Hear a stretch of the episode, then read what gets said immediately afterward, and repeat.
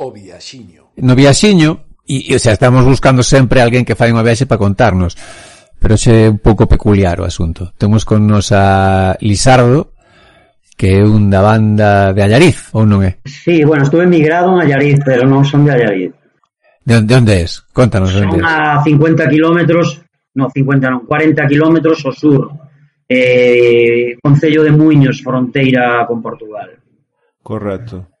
Dinos a parroquia. Eu Muños estive mañándome no, no encoro, o sea que algo ali control. Sí, a ver, eu, eu criei-me nese encoro, que agora desgraciadamente é unha cloaca por, por a súa situación de contaminación pola cianobacteria, pero bueno, Eu criei malí, sí. Eh, Elisardo, eh, nos decía, bueno, que nos conte unha viaxe, pero vai ser complicado, porque cantas viaxes en bicicleta realizaches, Elisardo? Pois a ver, eh, Un día botando contas máis ou menos eh, deu andar nos 225.000 kilómetros, 210.000 por aí.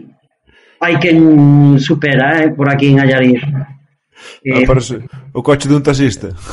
Non, no, Marcos, Marcos debe debe estar nos 300.000 seguramente, unos nos 280.000 por aí. Estáis no punto de establecer co eh, competicións por quilómetros no, andados. Non, non, non, o que pasa é que eu, eu conto, por exemplo, eh, os tres, catro días a semana que vou a Xinzo en bici a traballar. Entón, son, son 40 cada día. Iso vai sumando, sabes? Que iso é realmente o que suma. Despois eh, de viaxe, como viaxe propiamente dita, pois pois non sei, aí andaremos nuns 100.000 máis ou menos kilómetros en distintos lugares, continentes. De momento, pois menos África, que é algo que non de aínda non é o que me queda así máis por funcionar e África e América do Norte. O demais, pois, bueno, xa lle demos algo, sí. Eh, a viaxe máis longa que fixeches?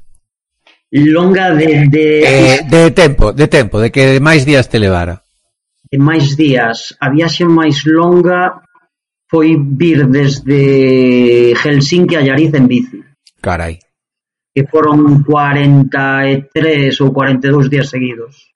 E en quilómetros non foi a máis longa esa tampouco? Eh, si, sí, esa debe ser a máis longa, 4.200 por aí. Saín de Helsinki, eh, en Helsinki collín un ferry, fun a Estonia, a Tallinn, capital de Estonia, e desde aí baixei por, por Letonia, Lituania, Polonia, República Checa, Alemania, Francia, e, e desde aí pues, hasta Llariz. E, e, e esa, esa viaxe eh, foi por porque penso que cadra en certo sentido con unha das Euroveloz que hai agora. Bueno, non miro moito deso, non en, en realidade non me eso non ese tipo de cousas non os suelo mirar porque sei que hai unhas unhas 8 ou 10 Euroveloz. Teño pasado por algunha, eh? En Noruega pasei por a Eurovelo 1, eh, en Hungría pasei pola 6, que é a do Danubio, pero non non me suel, non nos solemos fixar moito en esa en esa viaxe. E ademais a de a de Helsinki a Yariz, pois nas Bálticas, nas repúblicas bálticas estuven con con dous colegas, pero despois quedei solo a partir de Polonia. E entón pois cando vou en solitario non tampouco non me suelen gustar ese tipo de estradas así ou de rutas, porque suele haber en Europa hai suelen estar algo ateigadas de xente, hai moita familia rodando aí, moita. Eu teño visto familias enteiras de, de pai, nai e dous ou tres críos, o mellor algún deles de 10 anos, 11 anos, na máis. Eh? E con cas súas señoras alforxes detrás, eh, funcionando. Con, co seu equipaxe, a ver, eso é moi en Europa Central utilízase moito ese tipo, ese tipo de viaxe en familia. E aí ese tipo de rutas son as que adoitan ir esas familias. Porque so, adoitan ser suaves rutas bastante suaves con pouca pouca exixencia de, de pendente e nos, e nos cando vemos un alto vamos alá como Eso é o que te iba a dicir eu. A parte das veces que fun contigo que sei que xa che gustan os puertos, pero cal é a túa preferencia nunha ruta de viaxe? A miña preferencia, mira, eh, facemos unha, unha baremación. A baremación é un sitio onde non se estivera ou tratar de non repetir, aínda que teño repetido. Cuba, por exemplo, repetino tres veces en bici, porque para min é a viaxe máis con máis agarimo e e quixena recorrer completamente e como, bueno, fan falta eh, pues, aproximadamente unos 5.000 kilómetros para recorrerla ben, ben, ben, pois foi en tres, en tres veces. E tela, tela, tala recorrida inteira Cuba? Sí, sí, tom, completamente, completamente. Está recorrida de punta a punta polo interior e pola costa.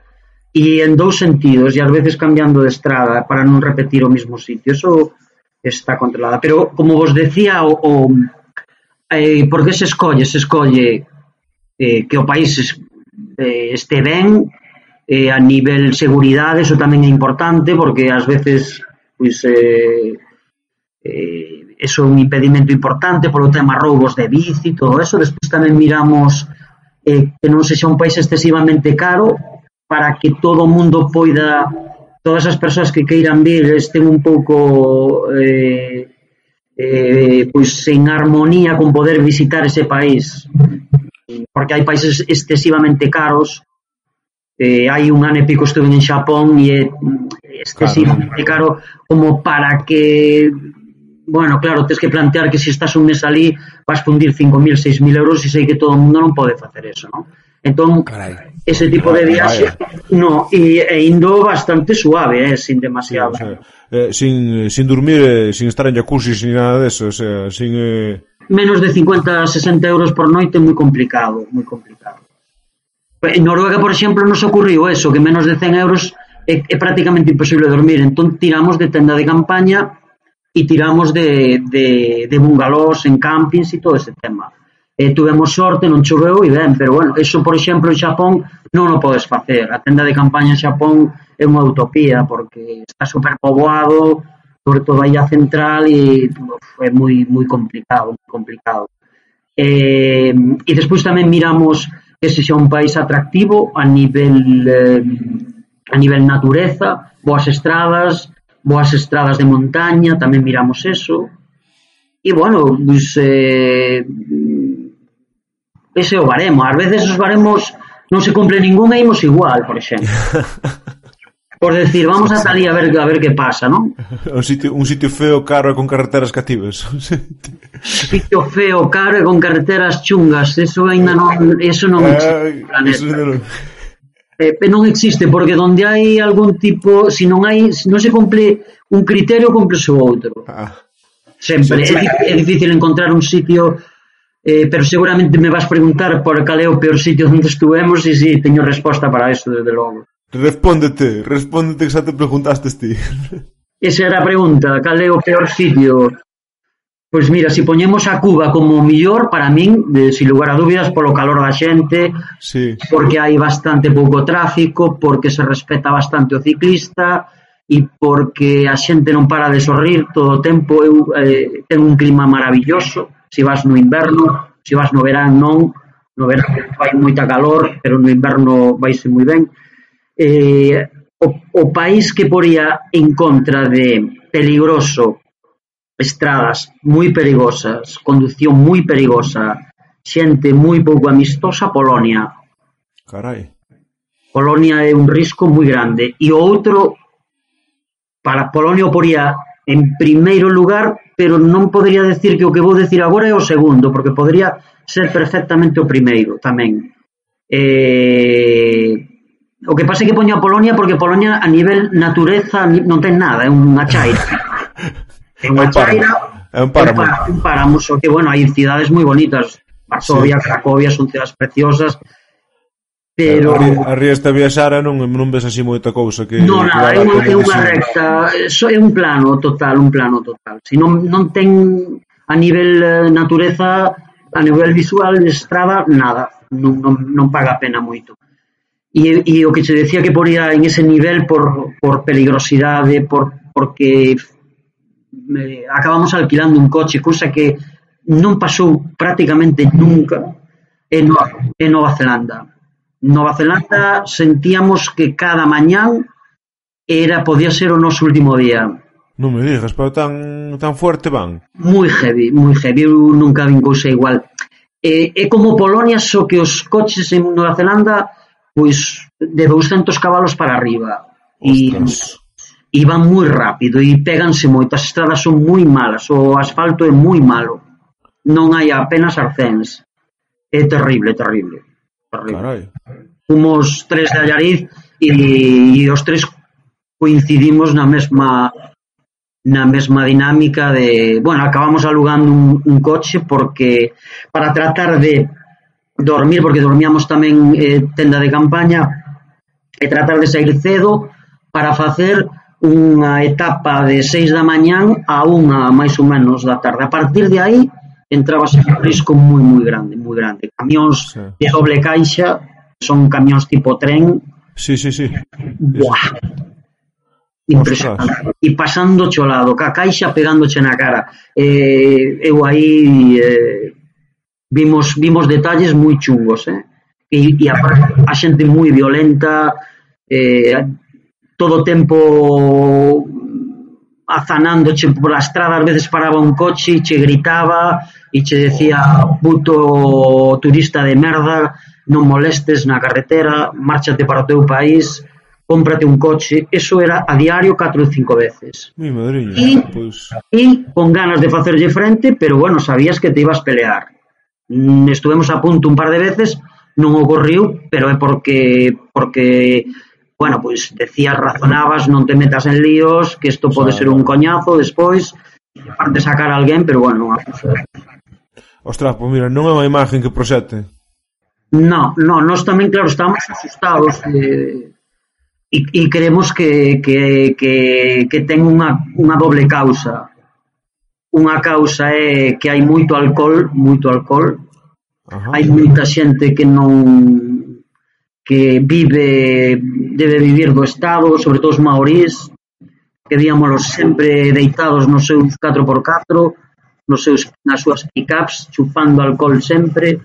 Carai. Eh, e despois a outra causa que lle, que lle metemos é o clima. Por que digo eso? Porque mm, é un clima infernal, moi hostil, moi hostil. Chove, pois, eh, sin parar constantemente.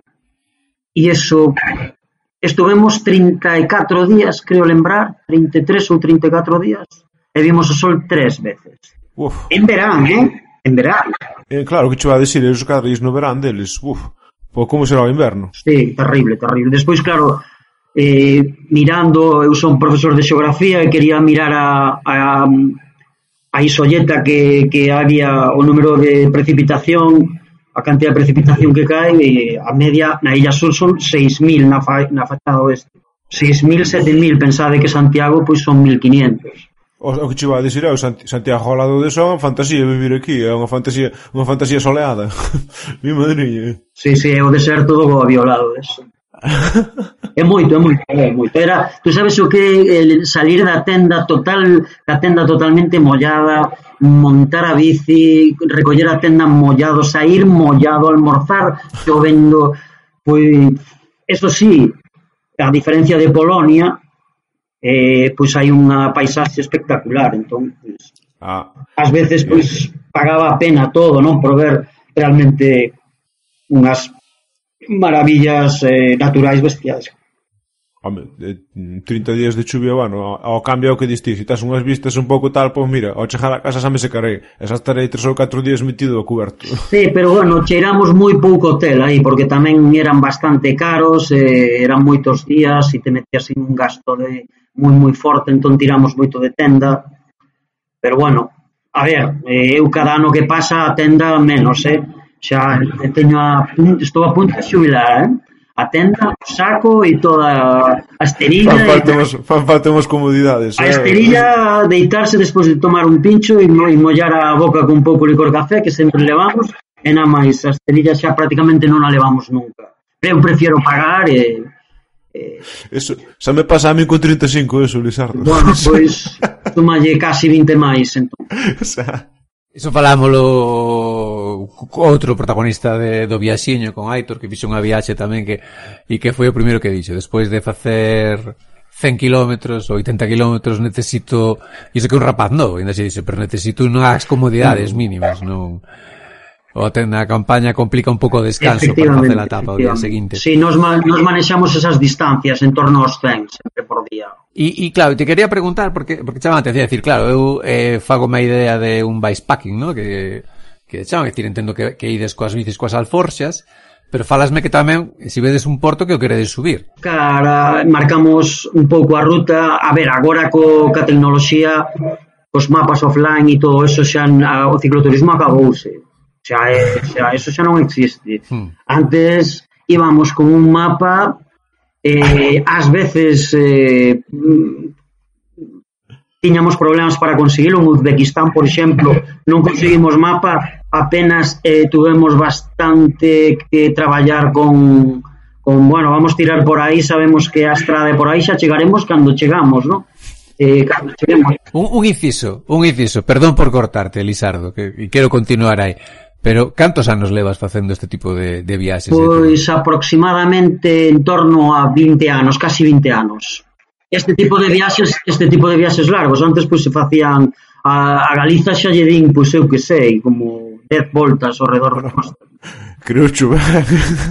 Todos os anos, todos os anos lle deixamos unha semana para ir de Ribadeo a Pontevedra ou a Vigo, máis ou menos así.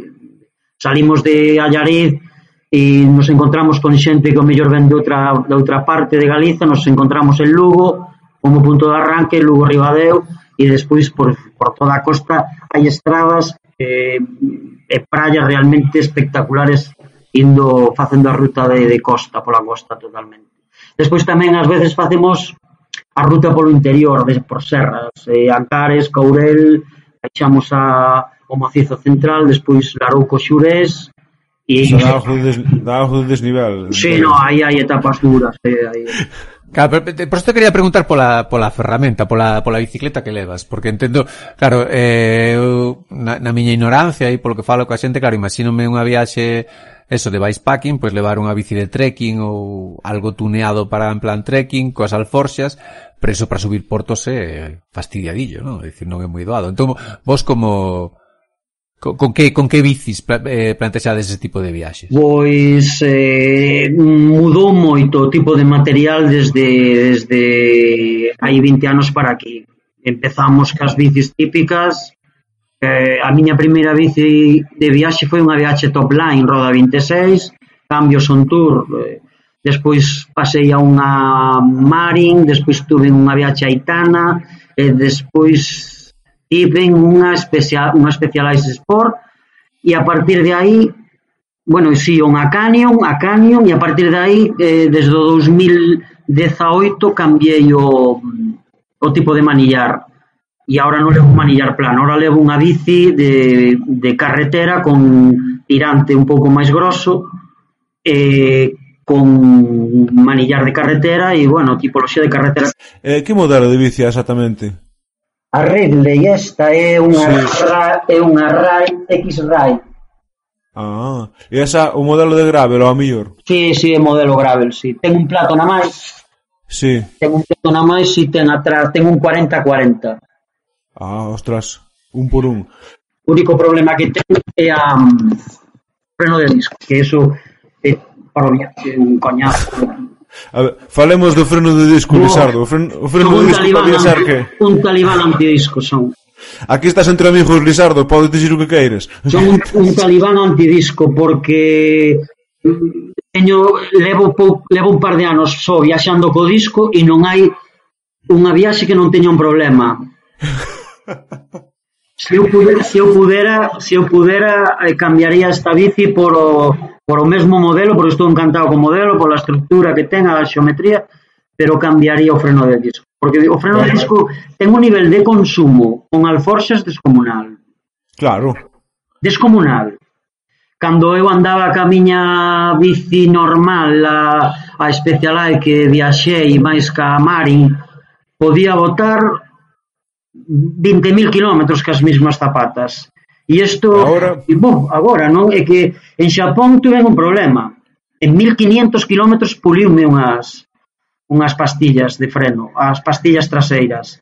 Agora o que faz é levalas contigo ou que pos viaxes, porque sí, senón menudo percal. Sí, porque en Xapón eh, esta bici levas RAM Sí. E en Xapón nada, é 100% Shimano Home, claro. E tuven problemas importantes nos últimos 500 kilómetros de, de viaxe mm, sin freno traseiro. Eh, eh, bueno, unha, unha locura. Non, agora hai que levar as pastillas contigo porque o mellor nunha viaxe de máis de mil kilómetros se hai moita pendente podes acabar con elas. Claro. E cuidado que non veñan un par de puertos que ainda jode las que tes de repuesto. Que non veñan así un par de puertos deses que baixas así e tal, porque bueno...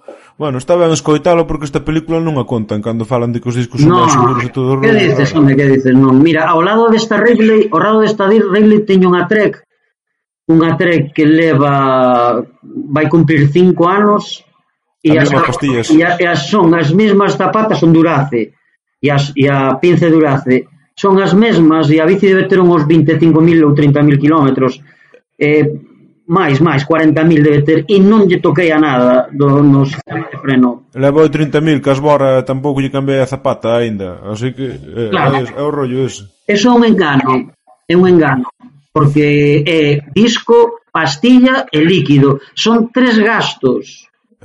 Son tres sistemas de gasto. E, e o que din os grandes defensores do disco especialmente eh, a circulación sobre mollado, eh, ti non notas que é moito máis seguro? Ou non? Pre aquí sempre preguntamos, eh, non afirmamos. Eh, non, non afirmamos. Sí, aí o mellor, Joaquín pode responder mellor. Seguramente en mollado, se si estás competindo e queres eh, pues, eh, ir a rápido, pues claro, obviamente supoño que en mollado funcionará mellor. Funciona mellor, sí, pero eu teño feito teño feito probas que a miñas pinzas durace contra unha bici de disco e a diferencia indo a 50 por hora e frenamos a full e son 5 metros. Si, sí, non. Ah. A ver, E, na, e no que é no, no que é nas viaxes, pois pues, tes, eh, tendes baixado eh, montañas importantes. O que? E viste, viste algún vez comprometido cas zapatas? Nunca. dicir... Nunca. Nunca. E mira, tuvemos unha viaxe en Perú con portos de, Por eso 60, iba a preguntar, por de, de 60 kilómetros. Portos Ahí está. de 60, de 50, o máis pequeno 40. Chegou a haber un de 80, que non nos fixemos. En na ruta de Machu Picchu que tuvemos que ir en bus, porque prácticamente te obligan para ver o rollo ese, eh, sí. eh, te obligan así un pouco en, en levar organizado, pagar as entradas, e sacar os tickets, e ese porto tiña casi 80 kilómetros, 78. Claro, partes de mm, a, a mil sobre o nivel do mar e acabas a, e se acababa a 4700. Madre mía. E mal, mal, mal de altura sentiches algunha vez o problema de de aire cando sube cando cando chegas a, a, a cumios Non, e si, sí, vou non explicar. Eu non o tiven, pero nunha das persoas que tuvemos no grupo, si, sí, sí, incluso tuvo que ir a un centro de saúde. E fixemos unha etapa que pasamos case a 5000 E, e bueno, neces o que necesitas é un pouco de aclimatación, masticar un pouco de folla de coca, eso é fundamental, eu creo que eu todo o tempo andaba con ela, e creo que me, eso me axudou bastante. Eso no, no, no, Non sei o control antidoping, eh, ese, se eso supera. No, eu non entro nesa dinámica. En que eso que, que é o control antidoping? É algo para tocar os huevos ao noso deporte, máis o atletismo e os demais deportes como o tenis e o fútbol, onde se meten hasta la bola, non absolutamente pasa nada. Non hai control de sangre exhaustivo como hai no ciclismo ni no atletismo. Porque si, si os, os xogadores de fútbol máis os tenistas, algúns deles moi famosos e destes que ganan moitas cousas, mesmo, mesmo algún que pode incluso que fale español, que igual tendes alguna cabeza, eso hasta a bola van. Home, algún mes eche no coche, andache, andache como se fora gasolina, que sí, que sí. Bueno, bueno o que pasa é que, claro, son sustancias que, bueno, claro, se si faz un control, non faz un, non tes un pasaporte biolóxico como hai no ciclismo, pois obviamente é moito máis sencillo todo. Lizardo, non hai que andar con eufemismos. Rafa Nadal foi activamente... ah, pero estabas, está, est, estábamos falando de Rafa Nadal e Djokovic. Claro, os dous, cando se plantexou que no tenis iban a poñer o pasaporte biolóxico, Djokovic e Nadal foron eh, os activistas máis destacados de que de, baixo ningunha circunstancia. 15 anos levo pedindo Federer pasaporte biolóxico. Leva 15 anos pedindo, porque se, se que non ten pinta de... Claro bueno, ese tío non suda, entón, pois, eh, eu creo que necesita... Claro. Pero, bueno, aquel, aquel, aquelas xornadas en Perú, claro, anduvemos chegamos aos 5.000 de desnivel e anduvemos moitas veces por riba dos 4.000, moitas veces. Joder.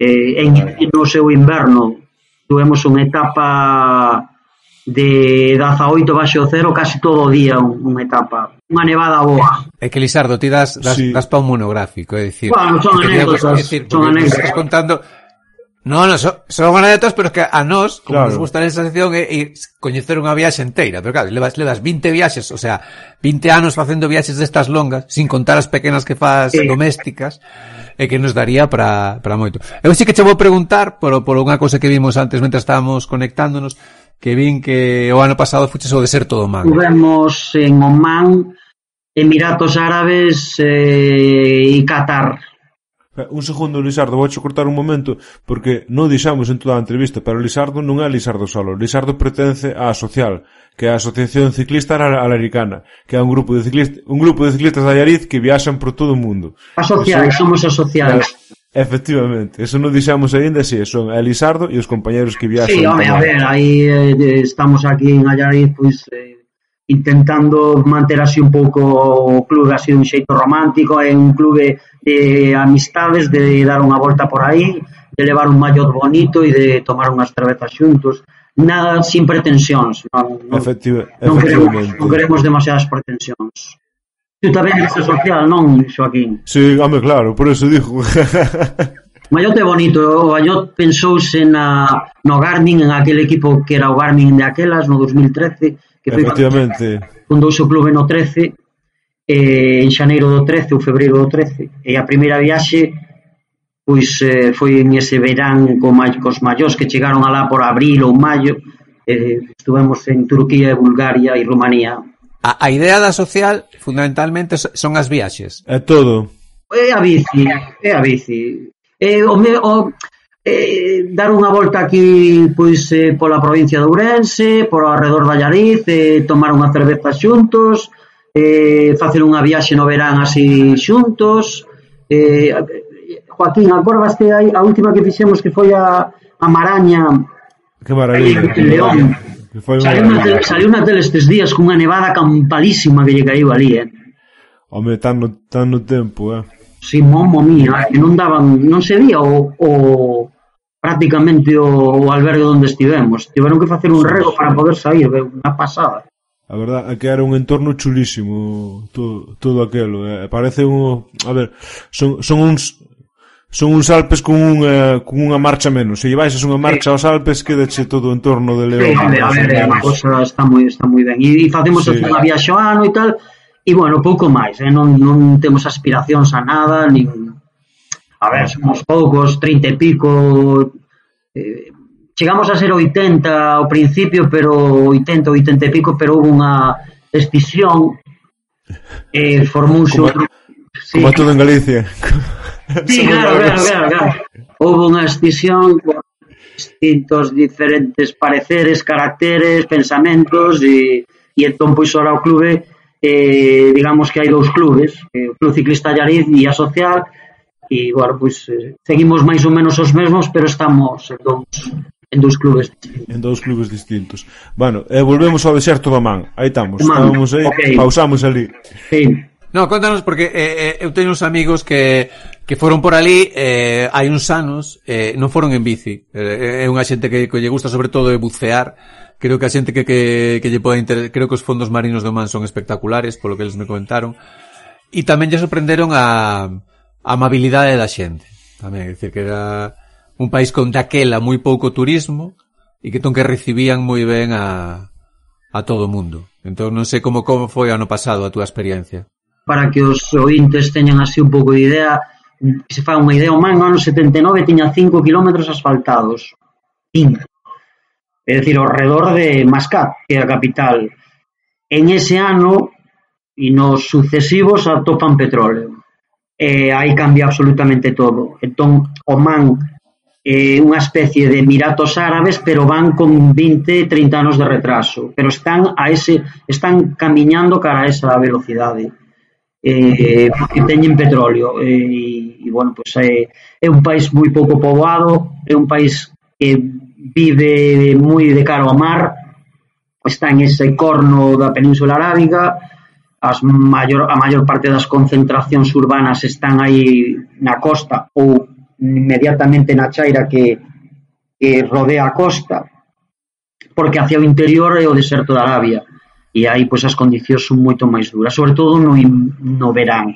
Eu estuve no inverno e a verdade é que unha temperatura extraordinaria para pedalear claro, o, in, o, inverno, o inverno deles é o veranoso.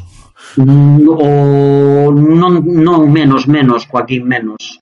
De noite rasca bastante, dormimos algún día con, con saco e esterilla e había que amarrarse, eh? porque veces a cousa baixaba de 10 e, eh, e polo día a temperatura era moi cómoda, moi cómoda. Non, nunca pasou de 25 grados, con pouca humedade era ideal para pedalear. O asfalto espectacular, dos millores do, dos millores do mundo. Está posto de novo. Está posto de novo, pero é que non hai un bache. Claro. O sea, é o contrario da provincia de Ourense.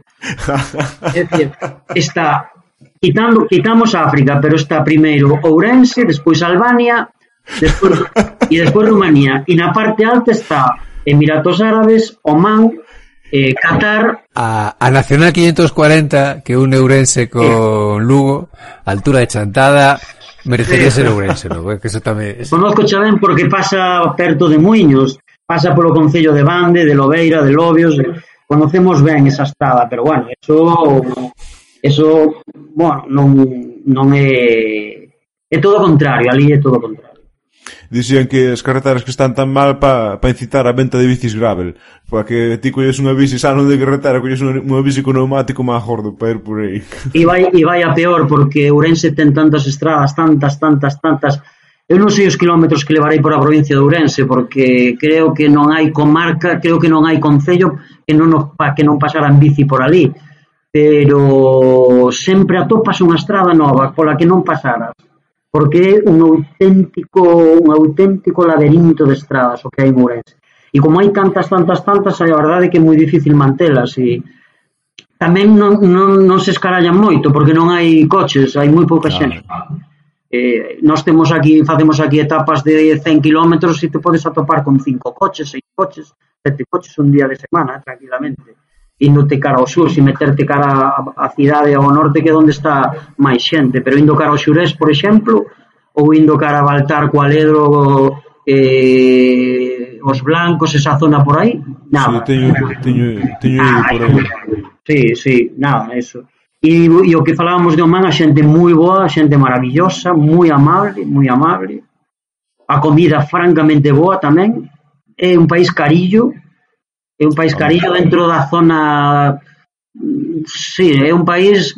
A ver, tampouco podes facer moitos luxos porque non hai bares apenas, nin non sabedes non se pode tomar unha cerveza, a non ser que vas a un hotel. Non levaría iso licor café ao man. Sí, sí, claro, claro que levamos. e tanto. Claro que levamos. A primeira semana, a primeira semana que foi don, cando dormimos así máis veces fora, oh, maravilla. E o levantarse... Podías acabar no caldeiro, pero ben, ben. No, no, no, no, no sin problema, sin problema. O licor café dixe que, dixe que é un medicamento cheiro na cola, e se dixe isto é un medicamento. Iba dentro dos bidóns e nada, non, non hai problema.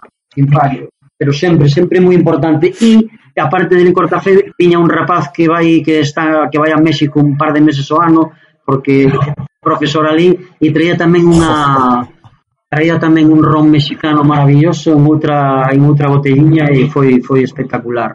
Bueno, xa sabedes, se ao pé de carretera vedes o avituallamento da social, botade a man, que ese habitallamento hai que botar a man, que eso, eso é o que canta. Joaquín, David, eh, ahora falando en serio, o licor café eh, é, é algo eh, extraordinariamente bo para andar en bici despois de comer, que che entra así, que che faltan que che faltan 40 kilómetros, tomaches un pincho, fai calor, te pasas así con un cunha modorra campal, mandas un chupito. A cafeína, eh? Exacto, é eh? cafeína, ese punto de azúcar que ten, bueno, maravilla. E sobre todo, bueno, sobre todo se fai frío ou se chove. Desde a Badcova recomendamos o consumo, o consumo responsable, ah, realmente. Non, non queremos pitar no control antidopaje ni no control da alcoholemia. Para un par de chupitiños, sobre todo cando fai frío hemos pasado, por exemplo, en Nova Zelanda era era, era xusto e necesario, ademais. Para estar en comunión en comunión co resto dos coches. Así mandabas el licor café e ibas cando Ai, pola friaxe, a chuvia. O ano pasado fomos a de Helsinki a Moscú. O ano pasado non, xa non é o ano pasado foi no 19, claro, xa xa no verán cumple dous anos. E tamén tuvemos moi mala sorte co tempo eh, o licor café foi unha axuda moi importante. Arrancar con chuvia en, en Rusia... Hostia. Moi chungo, moi chungo, porque aí a temperatura non sube de 16, 17 e tuvemos así días de que esa paradiña, mandarlle un chupito era Vamos. Era sus, susto necesario, que diste? Susto necesario. Mira, Lisardo, eh, vamos que facer unha cousa. Eh, temos que dar contigo outro día, non te vamos a decir cando, sí. Pero para falar dunha viaxe, porque ahora co comentáchenos moitas cousas que todas son super interesantes. A ver, así foi un pupurri e tal. Claro, pero temos que quedar noutra ocasión Escolles ti a viaxe? A que ti eh, que... De, a sí. ver, despois de Cuba, Vietnam, para min é o país máis maravilloso. Eu que sei, Tailandia... mira, de Tailandia ten un asfalto espectacular. Os coches, incluso en autovía, non pasan de 80 km por hora. Respetanche dous metros cada vez que pasan en un sitio, habendo moitos habitantes, moitos, eu iba ali acojonado dicindo, ui, uf, que coñazo, tanta moto, tanto coche vai ser nada unha, unha auténtica maravilla de, de respeto. E vas a e vas ca mentalidade a Nova Zelanda dicindo, joder, son Europa casi. Claro, é, é dicir, hai moi pouca xente, pues, a Illa Sur é como Portugal, ten 3 millóns de habitantes, non chega, e dis, joder, isto vai ser unha maravilla. E O carallo. E era, e era o corazón no, no, na gorxa cada día. O sea que... Madre mía. Sabes, nunca sabes donde donde vai estar o, o tema, non? Pero Bueno, pois pues eso, eh, te, collemos esta palabra, vamos a chamar outro día, porque aparte tamén nos comentaron que, como vimos que te desenvolviches ben aquí no podcast, que tes certa experiencia radiofónica, non é? Er, efectivamente. Teño, teño, sí. Aquí en Radio Llariz estuvemos nove anos en directo, día por semana, Tres horiñas.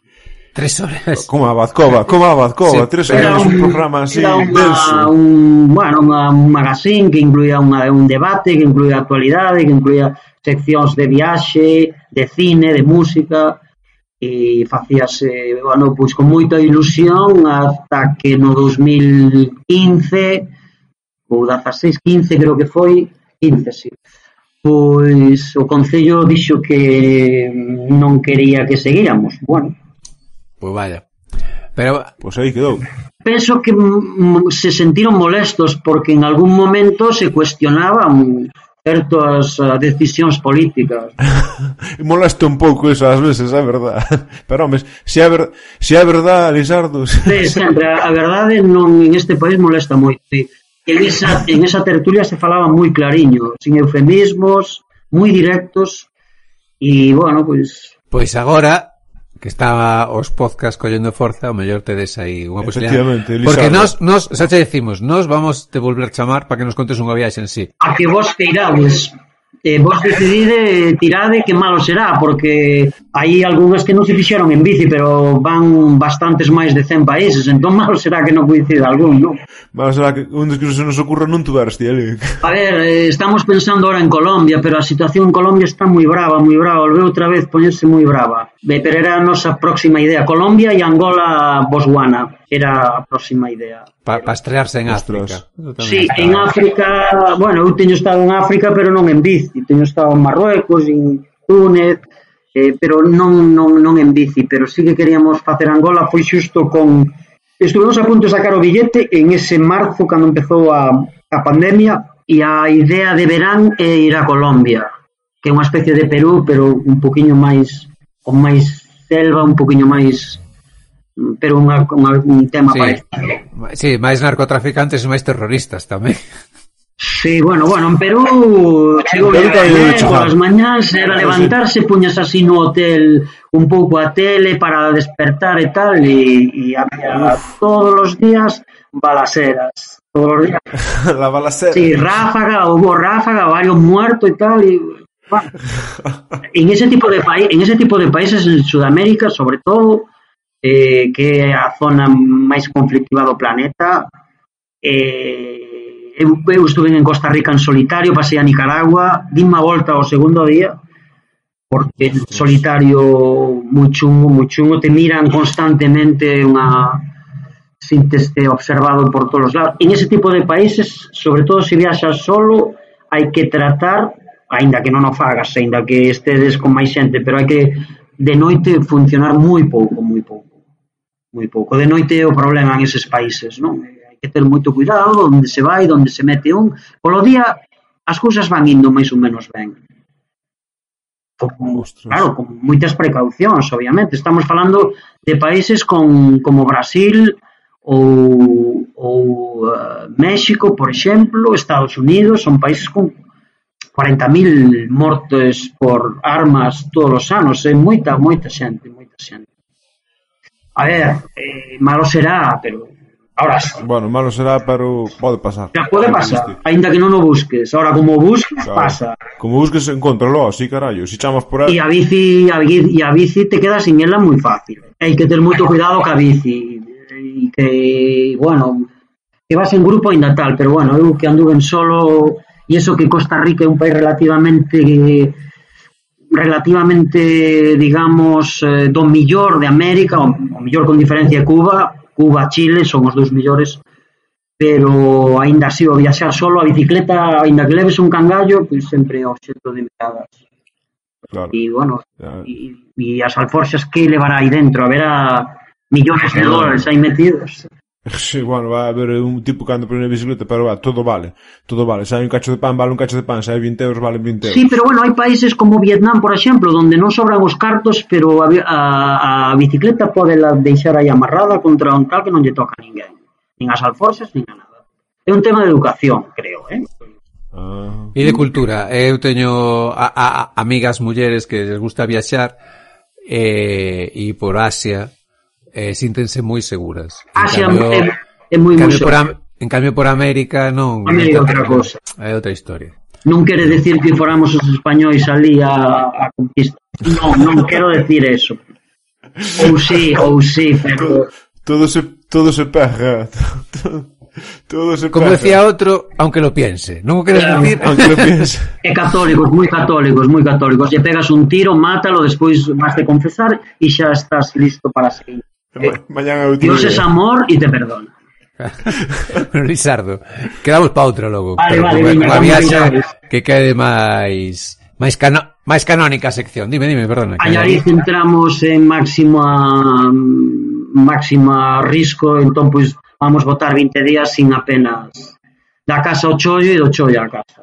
Allariz é pequeniño, non? Ou tedes a posibilidade de andar un pouco, por, digo, a nivel de concello de poder dar un paseo ou, ou non? Na bici, sí, a Allariz é un concello relativamente grande, si, non é dos pequenos, non é a Fonsagrada, obviamente, nin Vilalba, pero é, é, é vale, está ben, si, podes dar unha voltiña de 60 km sin fallo, sin problema, 60, 70 sin fallo.